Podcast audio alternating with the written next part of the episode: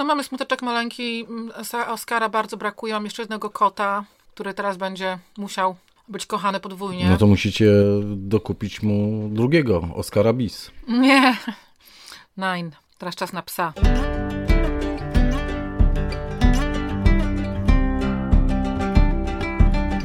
Naturalnie o ogrodach, odcinek 121.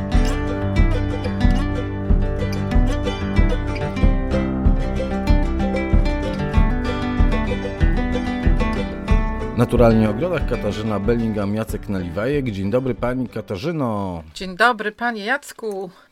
Pani jeszcze w Wielkiej Brytanii. Ja już albo Wielkiej, już, tak. bo to trudno powiedzieć jak to z tobą tak się Ja szybko wiem. zmienia. Ja sama nie wiem. Jeszcze w ubiegłym jest. tygodniu byłaś w Polsce, a teraz już znowu w Wielkiej Brytanii. Mm, Dzisiaj w e, podcaście temat dosyć ciekawy. Temat, o którym, e, o który upominali się nasi e, słuchacze, bo bardzo chcieli, żebyśmy porozmawiali o ogrodach deszczowych. I kiedy mm, umawialiśmy się na ten podcast, na ogrody deszczowe, to Katarzyna tak rzuciła trochę mimochodem, że w zasadzie to każdy ogród powinien być ogrodem deszczowym albo pełnić funkcję ogrodu e, deszczowego.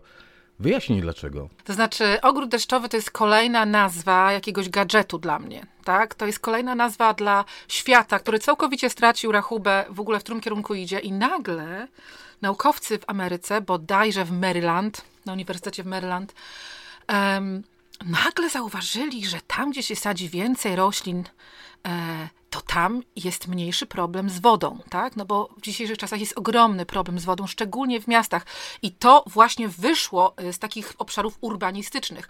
Dlatego, że jest dużo betonu, dużo asfaltu i woda deszczowa, bo mówimy tutaj o wodzie, która pada na nas z nieba, po prostu nie ma co ze sobą robić. W związku z tym najpierw płynie małymi e, strumieniami, potem płynie już większymi strumieniami i w końcu zbiera się w, w pewnych miejscach w mieście, w jakichś niższych takich miejscach, wiecie, pod mostami, e, po prostu zalewa domy.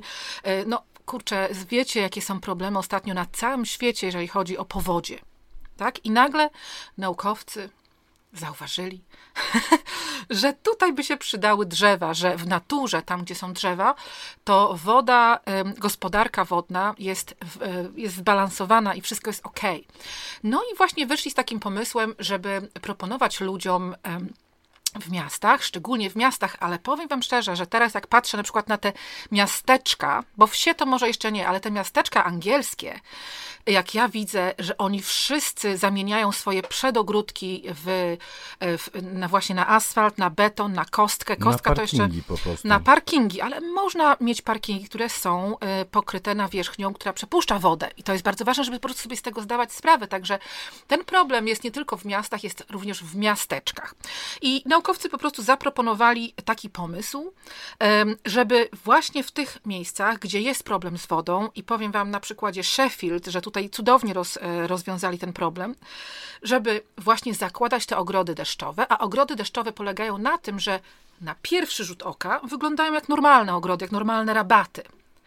Ale charakteryzują się tym, szczególnie właśnie w miejscach takich, gdzie jest dużo betonu i dużo asfaltu, że te rabaty nie rosną tak po prostu w podłożu takim normalnym, tylko one rosną e, w miejscach, które były troszkę wyżłobione. To są jakby koryta, żeby ta woda tam się właśnie... I one są też e, troszkę wyprofilowane w inny sposób, tak, że woda z dróg, e, z chodników właśnie spływa do tych, do tych ogrodów deszczowych. Dlatego ogrody deszczowe bardzo mocno kojarzą się z architekturą krajobrazu, z krajobrazem urbanistycznym miast i również miasteczek. Ale oczywiście można to zmienić na malutką skalę, można to używać u siebie przed domem, tak jak mówiłam. Jeżeli już macie te swoje przedogródki wybetonowane, wyłożone kostką, macie problem z wodą spływającą, to możecie po prostu na taką małą skalę również sobie zrobić taki malutki ogródek deszczowy. Ale no, to, co na przykład zrobili w mieście Sheffield na ogromną skalę, ponieważ zlikwidowali jeden cały pas jezdni, na rzecz ogromnego koryta, długiego koryta, które jeszcze zostało podzielone na, y, na krótsze odcinki, żeby ta woda jeszcze bardziej się zatrzymywała w, tak- w nich. No wyobraźcie sobie taką naturalną kaskadę, tak, że woda nie spływa od razu w dół, tylko powolutku, powolutku.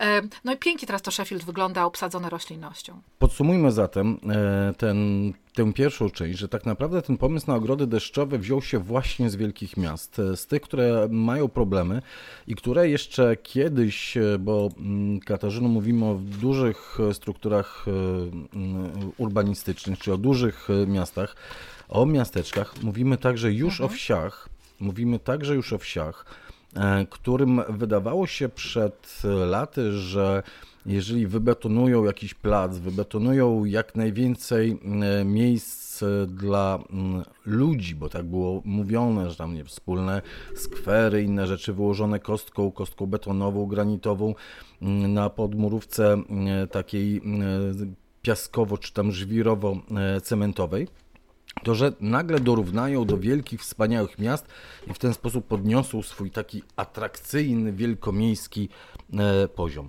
I doszliśmy do sytuacji, w której w wielu miastach, także przecież mamy to doświadczenie tutaj z Gdańska, że w przypadku, kiedy przychodzi ulewny deszcz, to ta woda bardzo szybko spływa w jedno miejsce, gromadzi się, zapychając e, studzienki burzowe, kanalizację e, burzową, wybijają, gromadzi się w jakichś miejscach, w których nie powinna się gromadzić. Często są podziemne parkingi mm, jakichś e, domów, centrów handlowych, skrzyżowania. I mm, wielkie miasta poszły w tym e, kierunku, że chcą tworzyć zbiorniki retencyjne. To był taki pierwszy pomysł, żeby zatrzymać tę wodę, żeby ta woda szybko nie spływała, szczególnie miasta, które są położone na różnego rodzaju wzgórzach, tak jak Gdańsk, czyli zbudowa zbiorników retencyjnych, które będą zatrzymywały, a po drugie budowa ogrodów deszczowych, które przytrzymają, które spowolnią spływ tej wody opadowej, tej wody deszczowej, bezpośrednio do kanalizacji e, burzowej, bądź nie wiem, w miejscach, gdzie ona po prostu e, ucieknie. I teraz ten pomysł e, z tymi ogrodami mm, deszczowymi, i teraz jest zachęta do nas, do nas, do właścicieli domów, do właścicieli ogrodów, działek, żeby budować takie, nazwijmy to, małe zbiorniczki retencyjne, małe ogrody e, deszczowe, żeby już na samym początku, kiedy spływa to z naszego dachu, kiedy spływa to z naszego e, podjazdu, zatrzymywać wodę u nas, u nas w ogrodzie. Tak, to jest jedna rzecz, którą o której musimy dzisiaj powiedzieć i mówimy.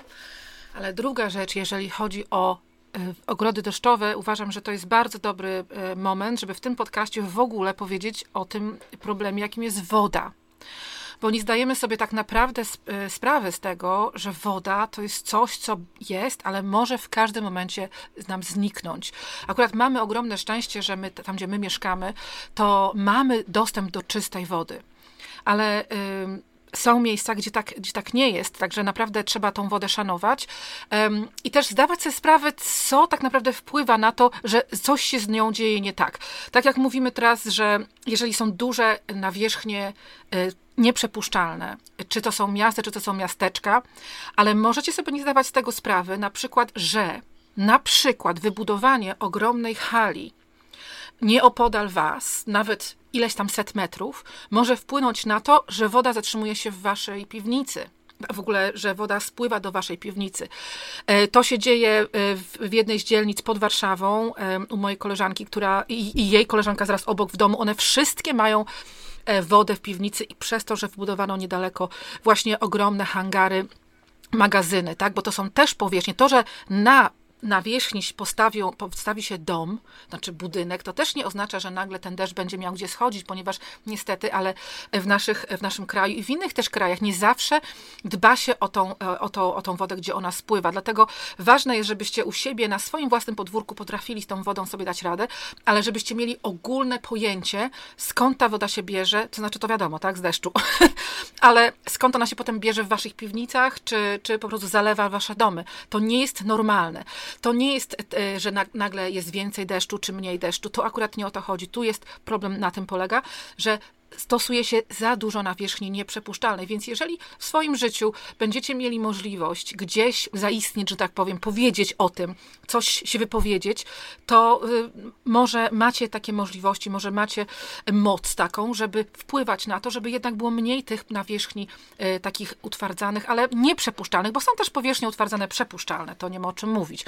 Ale to jest ogólnie problem, o którym teraz się dużo mówi, ponieważ ludzie y, chcą po prostu to w ogóle zrozumieć. Wielu warunkach zabudowy domów jest wpisany taki przykaz, nakaz, żeby wodę opadową, bo chodzi o wodę z dachów, chodzi też wodę o, z podjazdów, żeby wodę opadową zagospodarowywać w granicach swojej posesji, w granicach swojej posiadłości, w granicach swojej e, działki. I to jest właśnie ogród deszczowy i to, o czym będziemy mówili, to jest chyba sposób na to, w jaki sposób e, poradzić sobie z tym zagospodarowaniem wody opadowej z naszych dachów i z naszych podjazdów, tarasów e, i wszystkich nieprzepuszczalnych części na gruncie naszej działki, żeby nie uciekało to szybko poza obręb e, naszej e, działki. Broń Boże, żeby nie uciekało w jakąś e, kanalizację wodociągową, w kanalizację po prostu, tak, żeby nie uciekało, nawet nie, żeby uciekała w kanalizację burzową, bo szkoda jest zapychać tą wodą i żeby ta woda pozostawała i zagospodarowywać tę wodę u siebie na działce. Jak zagospodarowywać, to mi się kojarzy przede wszystkim zbiorniki wodne, żeby e, stawiać przy rynnach, przy mhm. spustach e, z dachów. E, z mojej niewielkiej szklarni naprawdę można w ciągu sezonu albo po kilku ulewnych deszczach zebrać całą wielką beczkę wody. Oczywiście, jeżeli mamy niewielki ogród, albo jeżeli mamy problem blisko domu, gdzie te steryny, z tych rynien wypływa woda, z którą nie wiadomo co zrobić, to wtedy musicie taki, taki poje, to zrobić ten, ten ogród u siebie w, albo w pojemniku, albo w, e, w, w całkowicie od, odizolowanej nietce w ziemi, tak? Dlatego, bo tak jest blisko domu, to tak jak mówiłam przed chwileczką u mojej koleżanki, jest niebezpieczeństwo takie, że ta woda potem znajdzie się w waszej piwnicy. E, dlatego właśnie w, warto powiedzieć, że właśnie są różne rodzaje tych ogrodów deszczowych co za tym idzie, jest, e, dobiera się do nich różną roślinność, bo taki ogród deszczowy może być na pograniczu pomiędzy, powiedzmy, pomiędzy bagiennym ogrodem, w którym jest dosyć mocno mokro, a po prostu takim normalnym ogrodem, jak, na, jak moja preria wzgorzałem, tak? Dlatego, że te wszystkie rośliny, które są na prerii, one świetnie by to znosiły. E, one znoszą zarówno e, troszkę więcej czasami wody, jak troszkę mniej wody. To też jest fantastyczne, bo są po prostu rośliny bardzo mało wymagające. Szczęśliwe w ogóle, że żyją. Także jeżeli y, będzie to zbiornik blisko, blisko domu, jeżeli on będzie zamknięty, no to y, będzie trudno dobrać roślinność taką, która lubi raz bardzo mokro, raz bardzo sucho. Dlatego może do takiego ogrodu warto jest na przykład y, dobrać roślinność właśnie z, tak, y, z, z, z, marginalną, że tak powiem, z pogranicza zbiorników wodnych. Później wiadomo, że ta woda będzie o wiele dłużej stała w tych, w tych zbiornikach. Możecie, możecie w miarę możliwości do tych zbiorników dołączyć rury drenażowe, które będą delikatnie rozsączały wodę po ogrodzie, ale to bardziej do takich zbiorników, które są e, w, w ziemi, a nie takich po prostu stojących jakichś dużych beczek czy czegoś, tak? No może nie beczek, ale można jakieś, hmm. przecież, przecież mówimy, możemy mówić o, o, o niewielkich e, zbior, pojemnikach, prawda? To mogą być stare, stara bal, bal, balia, tak? No, coś takiego, to też może być coś takiego, chociaż to akurat to chyba tylko z, z jakiejś małej szklarenki wodę by zbierała, na pewno nie z dużego e, dachu. dachu. Katarzyno, ale e, bo, bo e, pięknie opowiadasz, ale czy najpierw nie należałoby się zastanowić, jakie my mamy podłoże? Czy my mamy podłoże przepuszczalne, czy mamy podłoże nieprzepuszczalne? i według tego, jakie mamy podłoże, zastosować taktykę rozwiązania ogrodu deszczowego? To znaczy, przede wszystkim, tak jak mówię, to musi być taktyka powiązana z tym, gdzie to jest. Jeżeli to jest w bezpośrednim sąsiedztwie domu, to raczej bym nie, roz, nie rozsączała tego, więc to by nie było znaczenia zupełnie, jakie mamy podłoże, bo to by musiał być pojemnik, który nie jest przepuszczalny i byśmy musieli go zagospodarować roślinnością bagienną i w takich momentach najgorszych, jeżeli tam nagle by coś wysychało totalnie, to po prostu byśmy uzupełniali tą wodą, e, wodę, wodę z, po prostu z węża, tak, ogrodowego w najgorszym wypadku, a możemy go, ją uzupełnić z innych miejsc, w których zbieramy wodę, na przykład do beczki, e, właśnie ze szklarni, czy z jakiegoś budynku ogrodne, ogrodowego. Jeżeli chodzi o miejsca, które mogą być troszeczkę dalej od domu, kilka metrów od domu, to tak czy siak należy też je wykopać na głębokość no, nawet do jednego metra.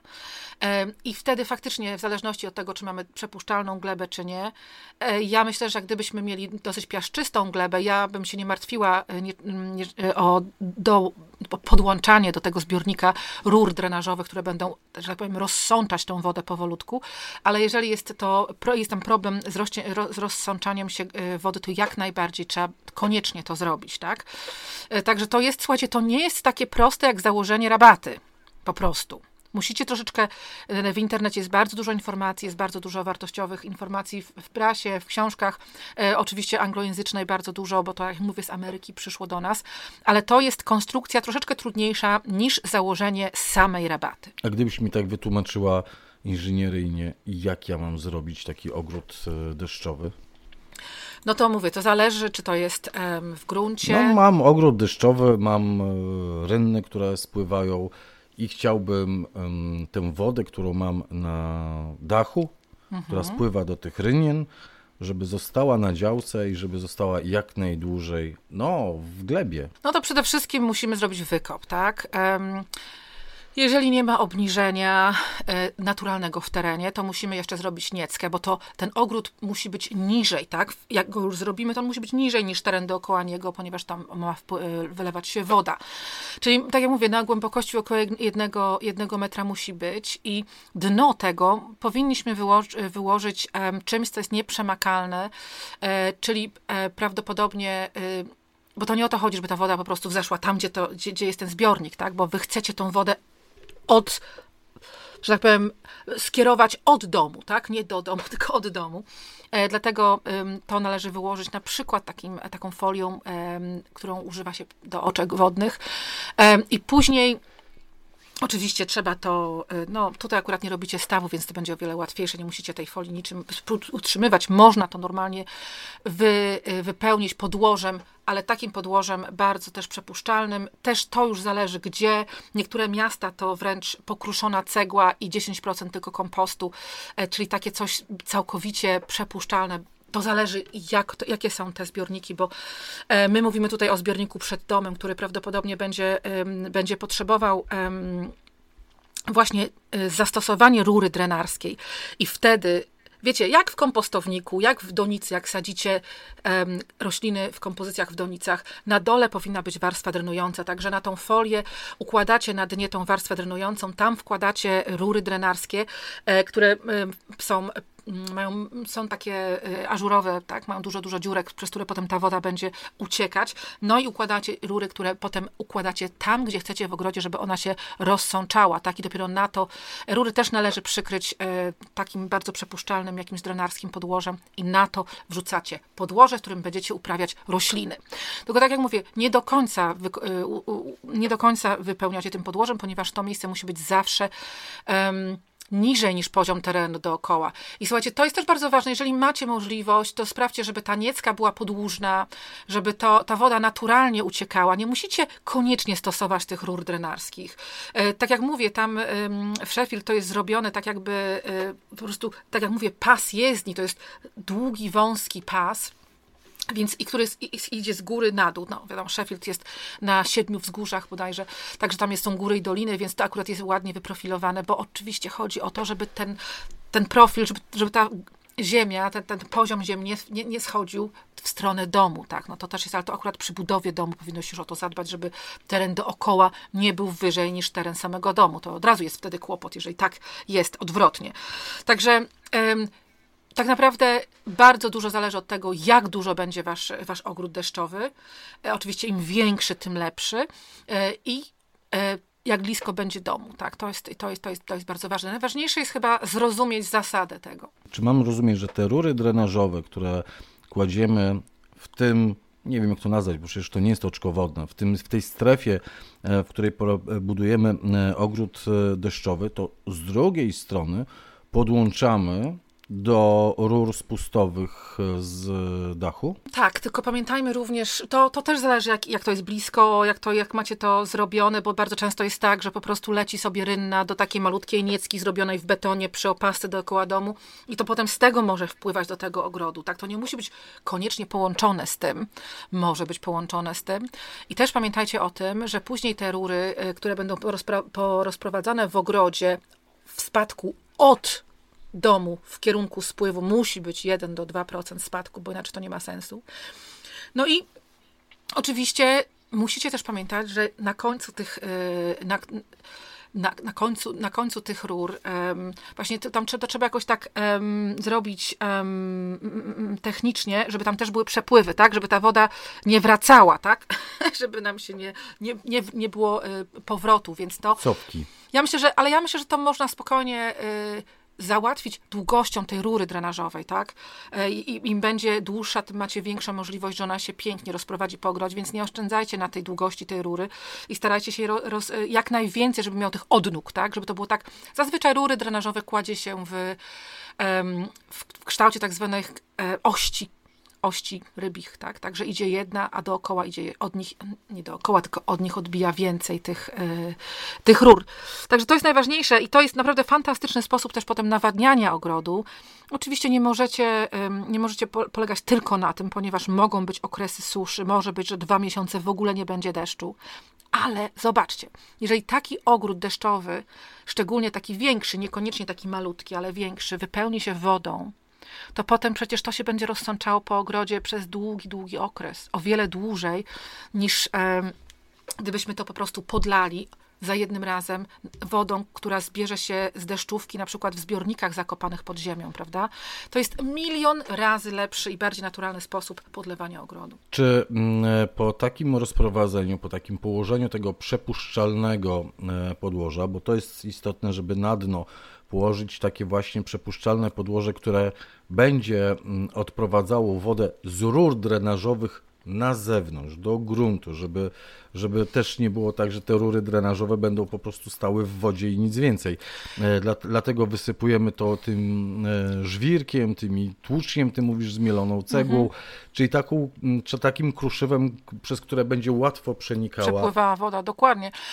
Ja myślę, że w ogóle, tak jak mówię, w zależności od kształtu, jeżeli to będzie taki kształt jak strumień, który jest jeszcze podzielony różnymi um, poziomami, tak jak kaskada, e, czyli będzie jeszcze bardziej spowalniało tą wodę, to wydaje mi się, że w wielu miejscach można e, w ogóle się, nie, niepotrzebne będą rury drenażowe, że wystarczy, że będziemy mieli taki porządny właśnie drenaż, tak jak ty mówisz, na dole, albo po prostu cała ziemia, calutka ziemia będzie bardzo, bardzo przepuszczalna to jest wręcz wskazane, że jeżeli nie używacie takiej e, roślinności bagiennej, tylko normalną, bo słuchajcie, możecie używać trawy ozdobne, byliny, drzewa, krzewy, dużo, dużo roślinności, tylko wtedy trzeba to sadzić właśnie w takiej bardzo przepuszczalnej e, ziemi, żeby ta woda po prostu nie stała, tak, żeby to nie gniło. E, przejdźmy w takim razie do tego, czy na wierzch dajemy jakąś żyzną warstwę? Ja myślę, że najlepiej by było, żeby ta warstwa żyzna była, tak jak mówiłam, zmieszana z tą warstwą przepuszczalną tak, żeby to było równomiernie zmieszane. Mhm.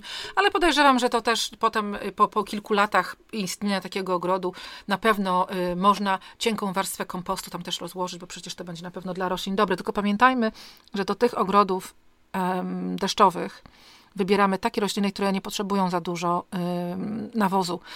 One nie potrzebują za bardzo rozpieszczania, właśnie takie, jakie są na prerii. Ale te rośliny muszą spełniać dwa warunki. Po pierwsze, w niektórych e, okresach zdarzają się przecież ulewne deszcze, mhm. kiedy ta mm, niecka ogrodu deszczowego no, wypełni nam się w jakiś sposób e, wodą, w zależności od podłoża oczywiście. Na nieprzepuszczalnym to szybciej się wypełni, na przepuszczalnym wolniej, ale w pewnym momencie będzie bardzo mokra albo bardzo wilgotna. Mhm. Więc muszą wytrzymywać takie, nazwijmy to, okresowe zalewanie. A z mhm. drugiej strony mm, muszą wytrzymywać także okresy suszy, e, bo przecież nie ma tak e, wiele opadów, nie ma takiego problemu. Mamy często problem z suszami niż z opadami. Jak przychodzą, to właśnie te ulewne, które chcemy zatrzymać, które chcemy zatrzymać na naszej działce. Więc rośliny wydaje mi się bardzo wymagające co do mm, traktowania ich, bo z jednej strony, powtórzę, okresowe zalewanie znoszące, a z drugiej strony znoszące mimo wszystko okresy suche. Tak, i to jest, słuchajcie, właśnie troszeczkę taki mit. Może właśnie, że takie ogrody deszczowe będą wymagały jakichś specjalnych gatunków. Okej, okay, to są może specjalne gatunki, musicie po prostu wiedzieć, jakie to są, ale to nie są gatunki ani trudne do kupienia, ani trudne do rozmnożenia samemu. Większość z tych gatunków to są gatunki po prostu nasze polskie rodzime, które i tak naturalnie żyją w takich warunkach, gdzie się raz raz mają gorzej, raz mają lepiej, tak? Bardzo, bardzo dużo jest takich, e, takich roślin, które świetnie zniosą takie warunki, tylko to nie będą jakieś wyfikane rośliny, tak? To będą normalne e, rośliny, naturalnie wyglądające. I to jest piękno właśnie i prostota tego ogrodu, że on nie wymaga od nas jakiegoś nie wiadomo czego. On wymaga od nas stworzenia pięknych, naturalnych rabat. I to jest właśnie, to jest najlepsze, najlepsze to, że e, w tym całym ogrodzie deszczowym że on po prostu ma sens. Czy powtórzenie tego, co jest w naturze, po prostu mhm. wykorzystanie roślin nie jakichś nadzwyczajnych, tylko tych, które na co dzień możemy oglądać z okien samochodów, które rosną e, u nas. Ja wszedłem na stronę gdańskich e, melioracji, które e, mają taki poradnik, ogród deszczowy w pięciu krokach, więc wszystkim którzy e, są zainteresowani takimi polskimi rozwiązaniami. To są rozwiązania e, oczywiście z miasta, ale do e, zaadoptowania także w mniejszych ogrodach. Jest także zestaw polecanych roślin, jest zestaw, które tolerują suszę, które są mm, roślinami przybrzeżnymi, które są roślinami wodnymi, no to oczywiście to, to, to wszystko z tymi roślinami wodnymi to, to wiemy, ale jeżeli przeczytam kilka nazw, to słuchajcie, to są nazwy bardzo e, znanych dla Was e, i dla nas roślin. Na przykład śmiałek darniowy, hmm, tak. krwawnica posal, e, No niech, niech zgadnę, sadziec. Kosać, kosaćce wszystkie, to jeści, tak? I rozesłana, i kropkowana, irdest, e, słuchaj, i kozłek, i żywokost lekarski przecież i bodziszki, e, i sadźce, e, oni tu piszą sadziec konopiasty, tak, ale plamisty także i pełniki europejskie, e, tak. Zobaczcie, to są wszystko rośliny, które używamy w swoich ogrodach. To nie są jakieś tam ekstra sprowadzone z zagranicy, wyfikane roślinki. Tak, te rośliny muszą się um, charakteryzować tym, że są bardzo, bardzo wytrzymałe na te wszystkie warunki, tak jak większość roślin, które widzicie na spacerze, rośnie na przykład nad zbiornikami wody, a także to są rośliny, które muszą, mm, które e, korzenią się w specyficzny sposób. Akurat jeżeli chodzi o byliny, czy trawy ozdobne, to nie jest problem, czy nawet krzewy, ponieważ one wszystkie mają bardziej takie zagęszczone korzenie, nie mają długich palowych korzeni. Więc tutaj chyba najważniejsze, żebyśmy sobie e, powiedzieli, może jakie drzewa można by było a, używać tak, do takiego ogrodu. Tak, bo, bo tutaj jest wybór już mm, bardziej ograniczony nazwy. E, tak, oczywiście wiadomo, że olsza rośnie nad wodą, ale olsza potrafi być bardzo, bardzo wysokim drzewem. Także akurat do ogrodów przydomowych to olszy specjalnie nie polecam, chyba że ta olsza czarna ma już, czy szara, ma jakieś swoje już wymyślone, wyfikane odmiany, które są niższe albo jakieś kolumnowe albo jakieś pokiereszowane, po prostu normalna olsza, że tak powiem, osiągnie duże, duże rozmiary i tego e, może to nie jest najlepszy pomysł. E, brzoza, brzoza mszona, też duże drzewo, ale jak już wchodzimy w takie rośliny jak wierzby, to wierzby można bardzo fajnie, zresztą brzozy również można bardzo dobrze um, kontrolować ich wzrost przez to, że, y, że sadzimy brzozy wielopienne. E, także brzoza pożyteczna, spokojnie ta wielopienna może się do takiego czegoś nadawać. Um, później właśnie wierzby. Wierzby to są super e, rośliny, ponieważ je, tak samo jak i derenie, możemy przycinać e, tak pomiędzy lutym a kwietniem nad ziemią kilkanaście centymetrów, czy kilkadziesiąt, tak około 20 do 30 centymetrów powiedzmy. E, I one w ten sposób będą mogły nie być ogromnymi e, wierzbami, tak? Salix alba, czyli ta wierzba biała, która normalnie jest ogromna nad um, jakimiś tam e, stawami, ona nie musi być taka ogromna. Salix alba ja mam u siebie w ogrodzie, którą przycinam co roku nad ziemią i po prostu nigdy nie dorasta do więcej niż dwóch Myślę, metrów. Myślę, że wszyscy nasi słuchacze znają ogławiane białe wierzby, bo to taki szopenowski krajobraz. Tak, tylko też szopenowski jak najbardziej, e, tylko szopenowski krajobraz miał te wierzby ogławiane troszkę wyżej. Tak, Ona tak, szubi tak. Nad, e, nad Chopina głową, a można to, no, wierzą to do siebie, że gdziekolwiek się przytnie, to ona będzie się, będzie szumiała. Także różne Pałek są wierzby. się wbije i ona też wybije tak. liście. I są różne wierzby o różnych kolorach tych pędów, dlatego warto wiedzieć o tym, że są właśnie wierzba biała, wierzba szara, wierzba purpurowa, e, iwa, I tutaj to samo z dereniami. Dereń e, sybirika to jest ten z czerwonymi pędami, dereń rozłogowy flaviramea, który ma takie żółtawe, oliwkowe pędy, więc warto jak najbardziej. E, potem oczywiście jest no, nasz, nasz rodzimy polski dereń świdwa. Można świdwę kupić w pięknej odmianie, która nazywa się Midwinter Fire, która jest bardzo, bardzo ozdobna. No i czeremcha Czeremcha y, pospolita, spokojnie da sobie radę. No i moja kochana y, Kalina, kalina koralowa Viburnum y, opulus, taka normalna, zwykła kalina, nie ta rozeum, tylko taka, która ma płaskie kwiatostany, jak kwitnie, nie, nie takie w, w, okrągłe. I ona też pięknie znosi takie warunki, też można ją przycinać, a najlepsze jest to, że ma bardzo, bardzo ładne jesienią um, owoce. Katarzyna mówi o tych e, roślinach, które są prowadzone w formie wielopiennej. E, mhm. Ostatnio byliśmy pytani, e, jak kupiłem śliwę wiśniową, formowaną, znaczy formowaną, prowadzoną wielopienną. Pokazałem to chyba na zdjęciu i ktoś napisał, jaka to jest odmiana, bo taka piękna wielopienna, tak?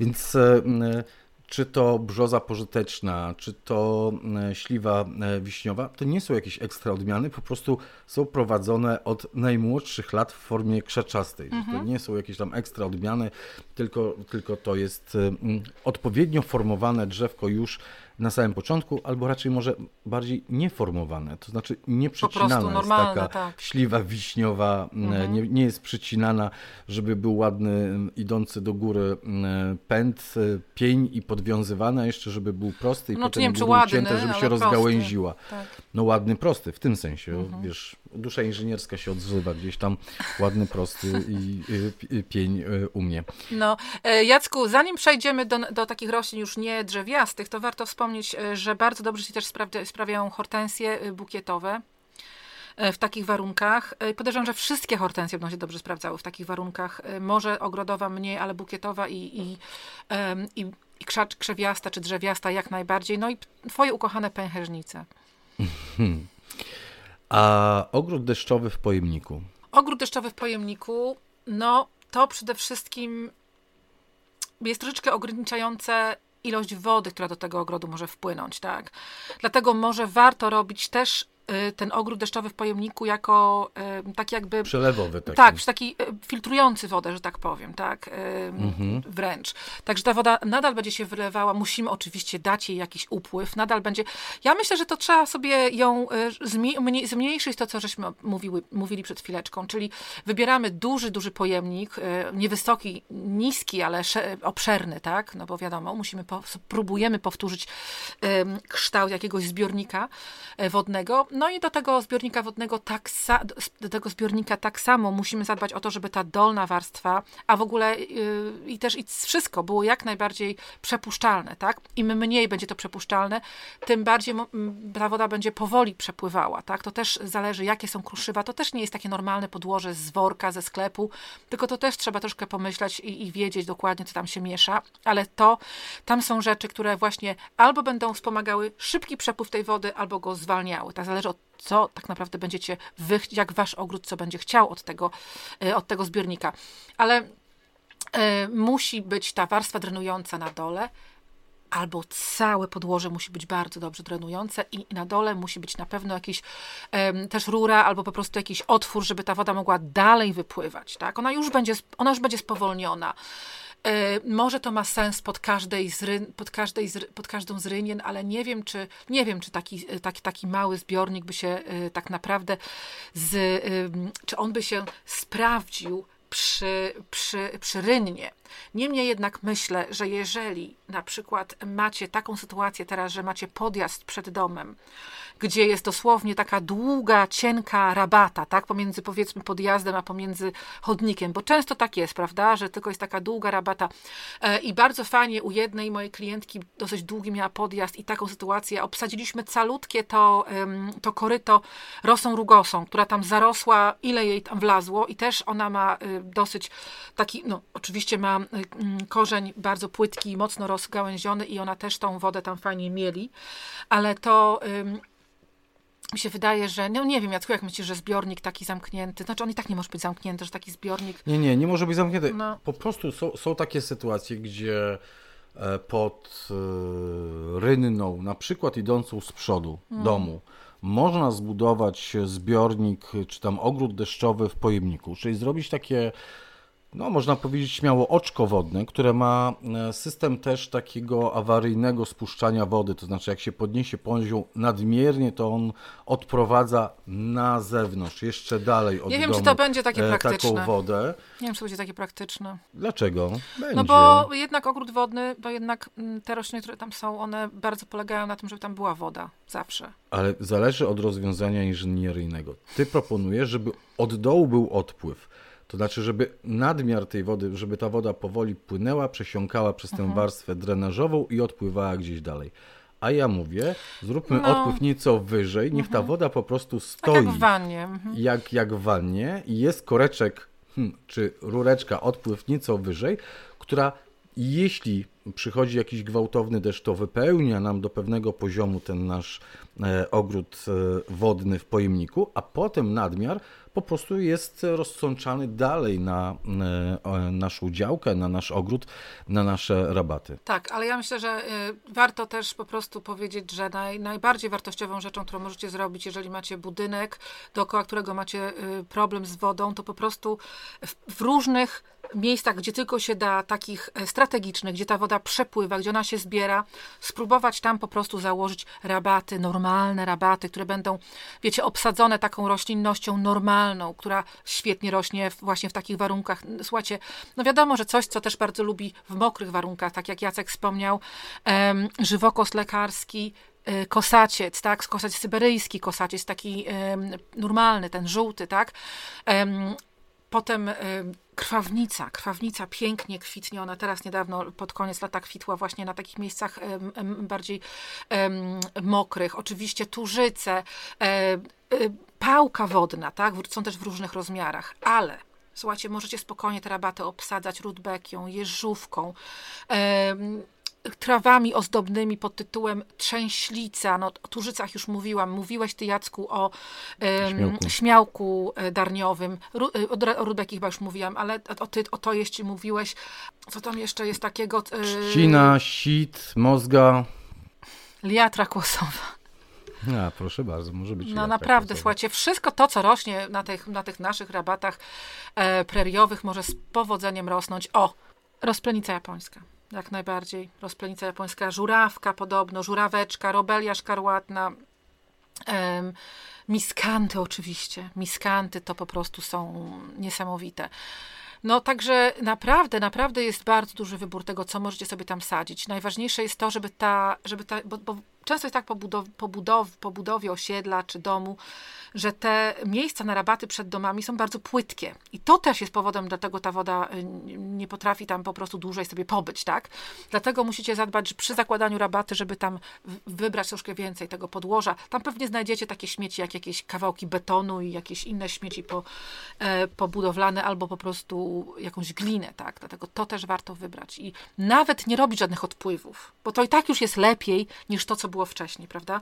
Po prostu starajcie się, aby jak największe połacia waszego ogrodu były obsadzone roślinnością, a nie betonem. Chodzi o to, żeby zmniejszyć tę ilość e, betonu, bo każdy ogród, to od czego zaczęliśmy na samym początku, to co powiedziałeś, że każdy ogród powinien być ogrodem deszczowym, ale niekoniecznie skonstruowanym tak, jak e, opowiadałaś. Niekoniecznie trzeba wykopywać tę nieckę, niekoniecznie trzeba wypełniać przepuszczalnym podłożem, niekoniecznie trzeba kłaść jeszcze rury drenażowe, obsadzać specjalnymi roślinami.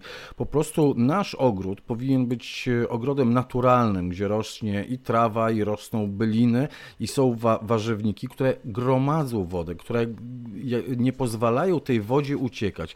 Bo jeśli będzie to podłoże żywe, jeśli to będzie podłoże tak jak my zachęcamy, ściółkowane kompostem czy kompostowanym obornikiem, to one już sama, ta ściółka i ta gleba pod ściółką będzie zatrzymywała tę wilgoć, nie będzie pozwalała spłynąć. Każdy, kto obserwował takie ogrody wylizane. E, Bardzo często chyba o tym mówiliśmy, nie wiem jak ostatnio, ale mówiliśmy o tym bardzo często, takie wygrabione, tak jak kiedyś przychodził pierwszy, nie wiem, słoneczny weekend marca, to wszyscy wychodzili do ogrodów, grabili wszystkie liście, w chwasty wyrywali, były takie wylizane ogródeczki eleganckie. Nikt wtedy nie myślał jeszcze o ściółkowaniu, o kładzeniu jakiejś warstwy zasilającej w życie takiej gleby szczytem było właśnie mieć taki wylizany ogródek. I potem, kiedy spadał deszcz, kiedy spadały te pierwsze krople deszczu, kiedy się polewało, to widać było, jak takie strumyczki się robią, takiego błota z wodą. I one płynęły, płynęły i się rozpływały, i nic na tych zagonkach nie zostawało, i trzeba było długo czekać i modlić się o to, żeby był e, najpierw taki drobny e, deszcz, i to długi deszcz, i żeby potem dopiero przed jakiś mocniejszy, bo inaczej, jak przyjdzie mocniejsza taka burza, to wszystko spłynie i nic się nie zatrzyma w takiej glebie. No właśnie, to jest właśnie, jeśli mamy żywą ziemię, jeśli mamy ściółkowaną, jeśli dajemy ten kompost, obornik, zrębki przekompostowane, korę przekompostowaną, to wszystko już na tym pierwszym etapie gromadzi się na tych rabatach, gromadzi się na tych e, zagonach i już mamy zatrzymane, już mamy taki mini ogródek deszczowy przecież na swoich Oczywiście. rabatkach. Oczywiście, ja myślę, że my musimy... Y znowu zrozumieć bardzo y, dobrze, bo to jest coś, co straciliśmy przez ten, przez taki zapęd, no ale to jest normalne, po to tu jesteśmy, żeby się zapędzić i potem, żeby wrócić, e, już, ale już w innej świadomości. Musimy sobie zdawać sprawę, jak bardzo jest, to wszystko jest od siebie uzależnione. I właśnie jeżeli chodzi o wodę, to wszystko jest uzależnione od roślinności i nawet to, ile tej wody potem spada nam na głowę. Ale o tym już nie mówmy, bo może zostawmy to na, dla naukowców, ale y, omówmy rzeczy takie, które są um, zrozumiałe dla ogrodnika. Więc to jest bardzo ciekawe. Rośliny czy one są, czy ich nie ma i jakie to są rośliny, bardzo dużym, w bardzo dużym stopniu kontrolują, co się dzieje z wodą po tym, jak ona spadnie e, do ziemi. Teraz chciałabym Wam pokazać, e, powiedzieć e, dwa ciekawe przykłady. W Anglii na przykład oczywiście jest dużo deszczów i jest też bardzo dużo miast.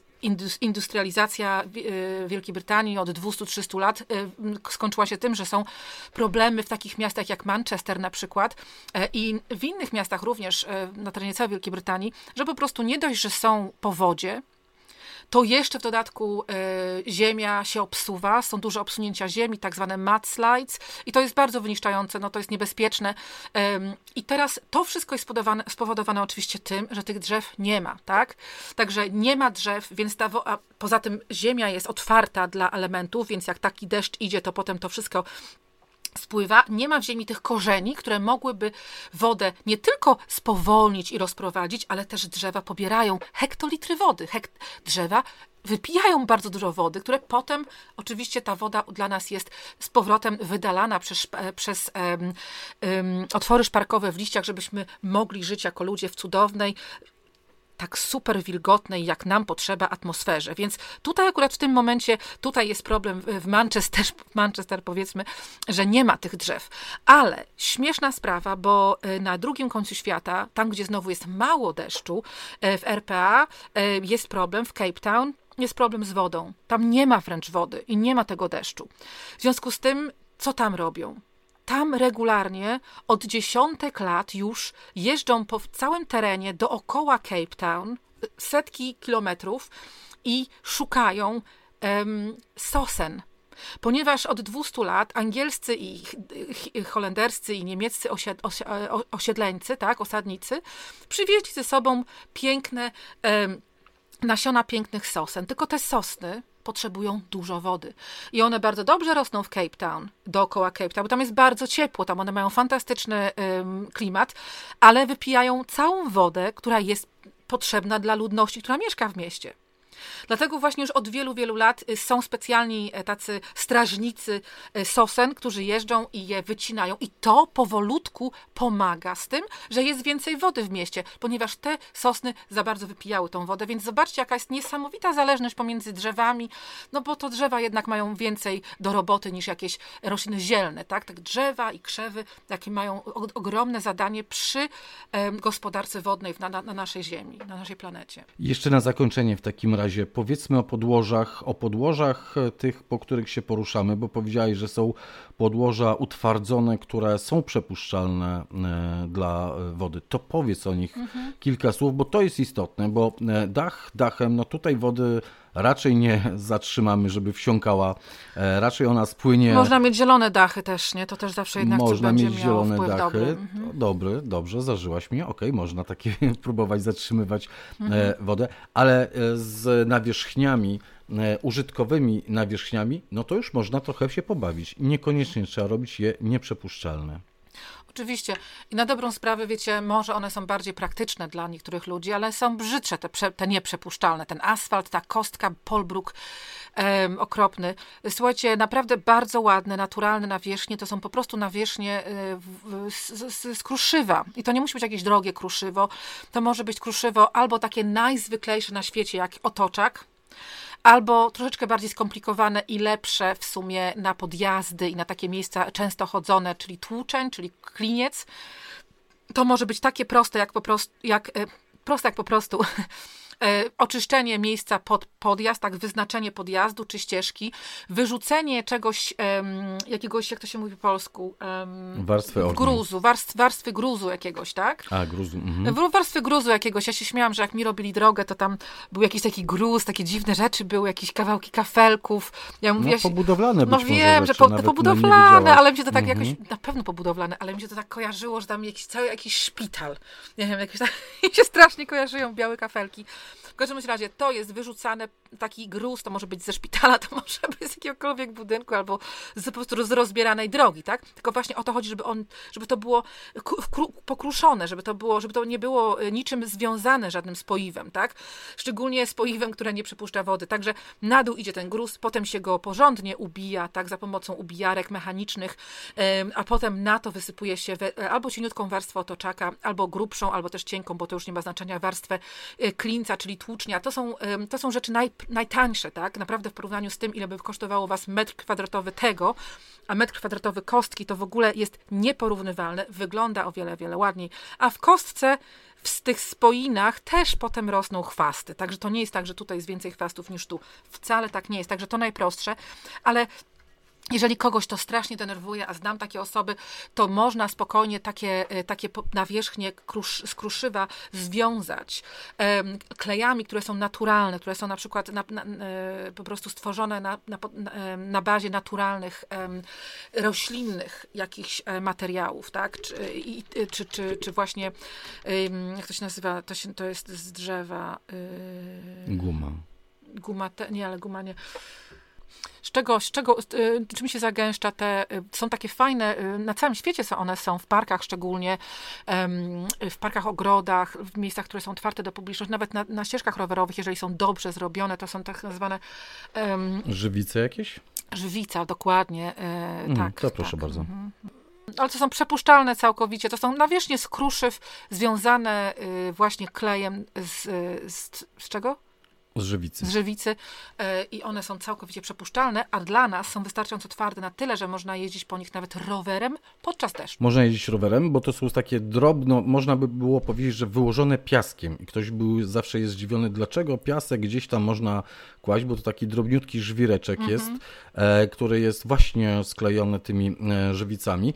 E, I mm, e, takie rozwiązanie, jak się proponuje w parkach, to często osoby mówią, ale nie, nie, bo przecież w wysokich e, nie przejdę rowerem, nie przejadę, wózek się zapadnie. No nie, właśnie nie zapadnie się żaden wózek, żaden rower. Szpilki też niespecjalnie się tam wbiją, więc nie ma mowy e, o ich e, zniszczeniu, ale e, podłoże przepuszczalne, ja marzę, żeby takie podłoże było w Parku Oliwskim e, w no tam jest- Gdańsku, wiesz? No ale w Parku Żeby- Oliwskim to żeby jest tam sprawa zwinąć ten dawna. asfalt, Ona, ten ja asfalt tam wiem. jest jeszcze z czasów II wojny światowej. Ja wiem, ale żeby zwinąć ten e, asfalt i położyć tam właśnie takie No e, nawierzchnie, którymi moglibyśmy Tak. spacerować. A wiesz dlaczego? Wiesz dlaczego to się dobrze kojarzy? Że w parkach powinno być takie, powinny być takie nawierzchnie, ponieważ właśnie w parkach historycznie zawsze były takie nawierzchnie. Okej, jeżeli chodzi o nawierzchnie z kostki brukowej naturalnej, to też były takie nawierzchnie, ale zawsze mniej, bo w parku jest bardzo dużo ścieżek i tylko niektóre z tych ścieżek są tak naprawdę ważne, tak? A reszta ścieżek to są drugorzędne. O to chodzi w parku, żeby było dużo zakrętasów, dużo meandrujących y, ścieżynek i oni, ci bogacze, co mieli te parki, właśnie no przy okazji jeszcze mieli jeziora, rzeki, pola i oni po prostu pozyskiwali te materiały i później z nich korzystano, używając to na tych, na tych różnych ścieżkach. E, poza tym oni tam konno często jeździli albo w jakichś, w jakichś pojazdach konnych i one też, to też jakby oni jechali po bruku tam, no to oni by sobie wszystkie zęby powybijali, prawda, bo to jest, to jest dosyć twarde mhm. podłoże. Ale na przykład we wszystkich e, zamkach i parkach nad Loarą po ścieżkach się chodzi po piasku z Loary. Tak, tam jest użyty piasek z Loary na tych, na tych ścieżkach, także to jest naprawdę fajne. A my możemy w swoich własnych y, ogrodach przed, przed domem przy bliźniakach, przy domkach jednorodzinnych y, też o to zadbać, żeby jeżeli chcecie wjechać swoimi oponami samochodu na coś twardego. Jeżeli chcecie potem z tego samochodu wyjść na coś twardego, żeby przejść do domu, to tylko te, komunik- te miejsca komunikacji zróbcie twarde ułóżcie sobie na przykład z jakiegoś kamienia, czy takiego, y, że tak powiem, bardziej dużo połaciowego kamienia, tak? Czy, czy z jakiejś kostki ewentualnie, ale tak na, naprawdę y, to, co na co wjeżdża samochód, to są tylko dwie linie, tak? I jeszcze ścieżka od, od waszego samochodu do domu. I tyle. A całą resztę po prostu wysypcie otoczakiem, e, wysypcie um, um, klincem. klincem, albo po prostu niech to będzie trawa, no. I tyle. I jeszcze w tym otoczaku, w klincu też możecie mieć rośliny. Nawet one mogą hmm. być pod samochodem czasami, nic im się nie stanie. Katarzyna Bellingham, Jacek Naliwajek, naturalnie o ogrodach. Dziś o ogrodach e, deszczowych mówiliśmy i pamiętajcie, ta najważniejsza nauka to jest taka, że każdy nasz ogród powinien być ogrodem deszczowym. Każdy nasz ogród, każda nasza działka, każda działka ROT powinna być takim ogrodem, która zatrzymuje. Z działkami ROT chyba najmniejszy problem, chociaż nie, tam są też altany. E, każda działka, która zatrzymuje po prostu e, deszcz, który gwałtownie spada z nieba na dach, która zje spada na podjazdy, ścieżki, tarasy e, i gdzieś musi ta woda uciec. I chodzi o to, żeby ona nie uciekała z naszej działki, tylko żeby była zatrzymana w naszym ogrodzie jak najdłużej. A jak, a jak ma wyjść, to niech wyjdzie po kilku dniach gdzieś tam pod, pod e, powierzchnią gleby, niech się rozsącza do e, zbiorników wodnych, już przefiltrowana, oczyszczona e, i niech wzbogaca życie w tych zbiornikach wodnych. Zatrzymujmy. A tak a propos tych ścieżek, o których mówiłaś, to teraz mam przed sobą obraz Pałacu Branickich w Białymstoku. Jak wiesz, lubię tam mhm. dreptać tymi ścieżkami. Tam właśnie przywrócono takie naturalne nawierzchnie, gdzie, gdzie mm, państwo branicy spacerowali, raczej pani Branicka chyba z Izabela mm, spacerowała e, niż Jan Klemens mm, z parasoleczką albo powozikiem jeździła i to są właśnie takie e, żwirowe. Nie wiem skąd jest e, żwirek, czy to z rzeki Białej, która przepływa przez Białystok, czy no jakiś Supraśli, Narwi, czy skąd. Nie mam zielonego pojęcia skąd ale zainspirowany tym twoją opowieścią, że w zamkach nad Loarą ścieżki były wysypane e, piaskiem z Loary, to ja następnym razem podpytam, skąd ten e, żwirek, no, ale to skąd możliwe. ten piaseczek tam jest. Tak, całkiem możliwe, że to są normalnie, e, normalny piaseczek stamtąd, bo czemu nie, tak? To oni, oni kiedyś nie mieli możliwości kupować sobie na, w jakimś wielkim centrum ogrodniczym piaseczku, który jest ze Szwecji albo z Chin. Oni musieli się zadowolić tym, co mieli pod ręką i dlatego te parki były najpiękniejsze. A jak już zadbamy o nasze ogrody i o to, żeby one pozostawały e, w wodzie, e, żeby woda pozostawała w naszych w ogrodach, mm, w ogrodzie, woda w ogrodzie, mm, to e, też dopilnujmy naszych samorządowców, dopilnujmy naszych e, włodarzy miast, miasteczek, e, wsi, żeby nie wycinano e, drzew, żeby nie ogołacano z placów, ulic z właśnie z roślinności Przede wszystkim liściastej, też iglastej, ale drzew, żeby nie wycinano, krzewów, żeby nie wycinano i żeby tak. odejść od maniery wykładania wszystkich e, placów kostką granitową albo kostką e, brukową albo kostką betonową e, i stawiania na środku ewentualnie jednej drobnej fontanny i jest wielka radość, bo potem trzeba tworzyć kurtyny deszczowe, potem trzeba stawiać, co już jest skrzynie z drzewami takie. Tak. W Gdańsku nawet przewoźne są skrzynie już, wiesz, i przewozi się drzewka i krzewy. Na kółkach są skrzynie. No bo to już jest tylko ratowanie sytuacji, a pierwszym grzechem to było właśnie pozbycie się drzew, pozbycie się krzewów Dokładnie. i wybetonowanie wszystkiego, co się da. Dokładnie. I my kiedyś o tym nie wiedzieliśmy i musieliśmy uczyć się na błędach, ale już teraz wiemy, dlatego nie ma sensu powielać tych, e, tych błędów. Teraz jesteśmy w cudownym czasie. Teraz jest bardzo ciekawy program na BBC. Znaczy nie wiem, czy on jest, ale go od, obejrzałam go na takim, po prostu sobie nagraliśmy go. Dwa odcinki są, więc wszystkie osoby, które mieszkają w Anglii, mają możliwość obejrzenia tego programu, to naprawdę zachęcam. To jest pierwszy, to, są, to jest pierwszy tego w tym stylu program, który w ogóle widzę, bo zazwyczaj to były programy, jak jest źle, e, a teraz jest program, który pokazuje, jakie ma niesamowite możliwości odnowy natura. Pokazuje, jak bardzo szybko ona się odnawia, tylko jeżeli wtedy, kiedy oczywiście damy jej szansę, czyli po prostu się od niej odczepimy. To jest e, cudowna nazwa tego e, filmu. Tak jak mówię, to jest program dwu, już teraz są dwa odcinki. Nazywa się The Age of Nature, czyli no, epoka dla natury. I to mi się najbardziej podoba, w ogóle ta nazwa mi się strasznie podoba i trafia do mnie. Jeżeli macie możliwość, to sobie obejrzyjcie. Naprawdę jest inspirujący ten program. Okej, okay, to ja polecę coś e, w polskojęzycznej e, telewizji. E, czy, czy, czy program oglądałem świetny dokument przetłumaczony na polski, do, poświęcony łąkom i e, roli łąk w ekosystemie. Chyba też brytyjski e, film, tylko że mm, puszczony był w, nie tak dawno w telewizji e, polskiej. W jaki sposób łąka kwietna wpływa na życie i w jaki sposób my teraz rozwijając rolnictwo, i dając, rozrzucając obornik, czy mm, wylewając gnojówkę i zakładając tam pola, niszczymy ekosystem.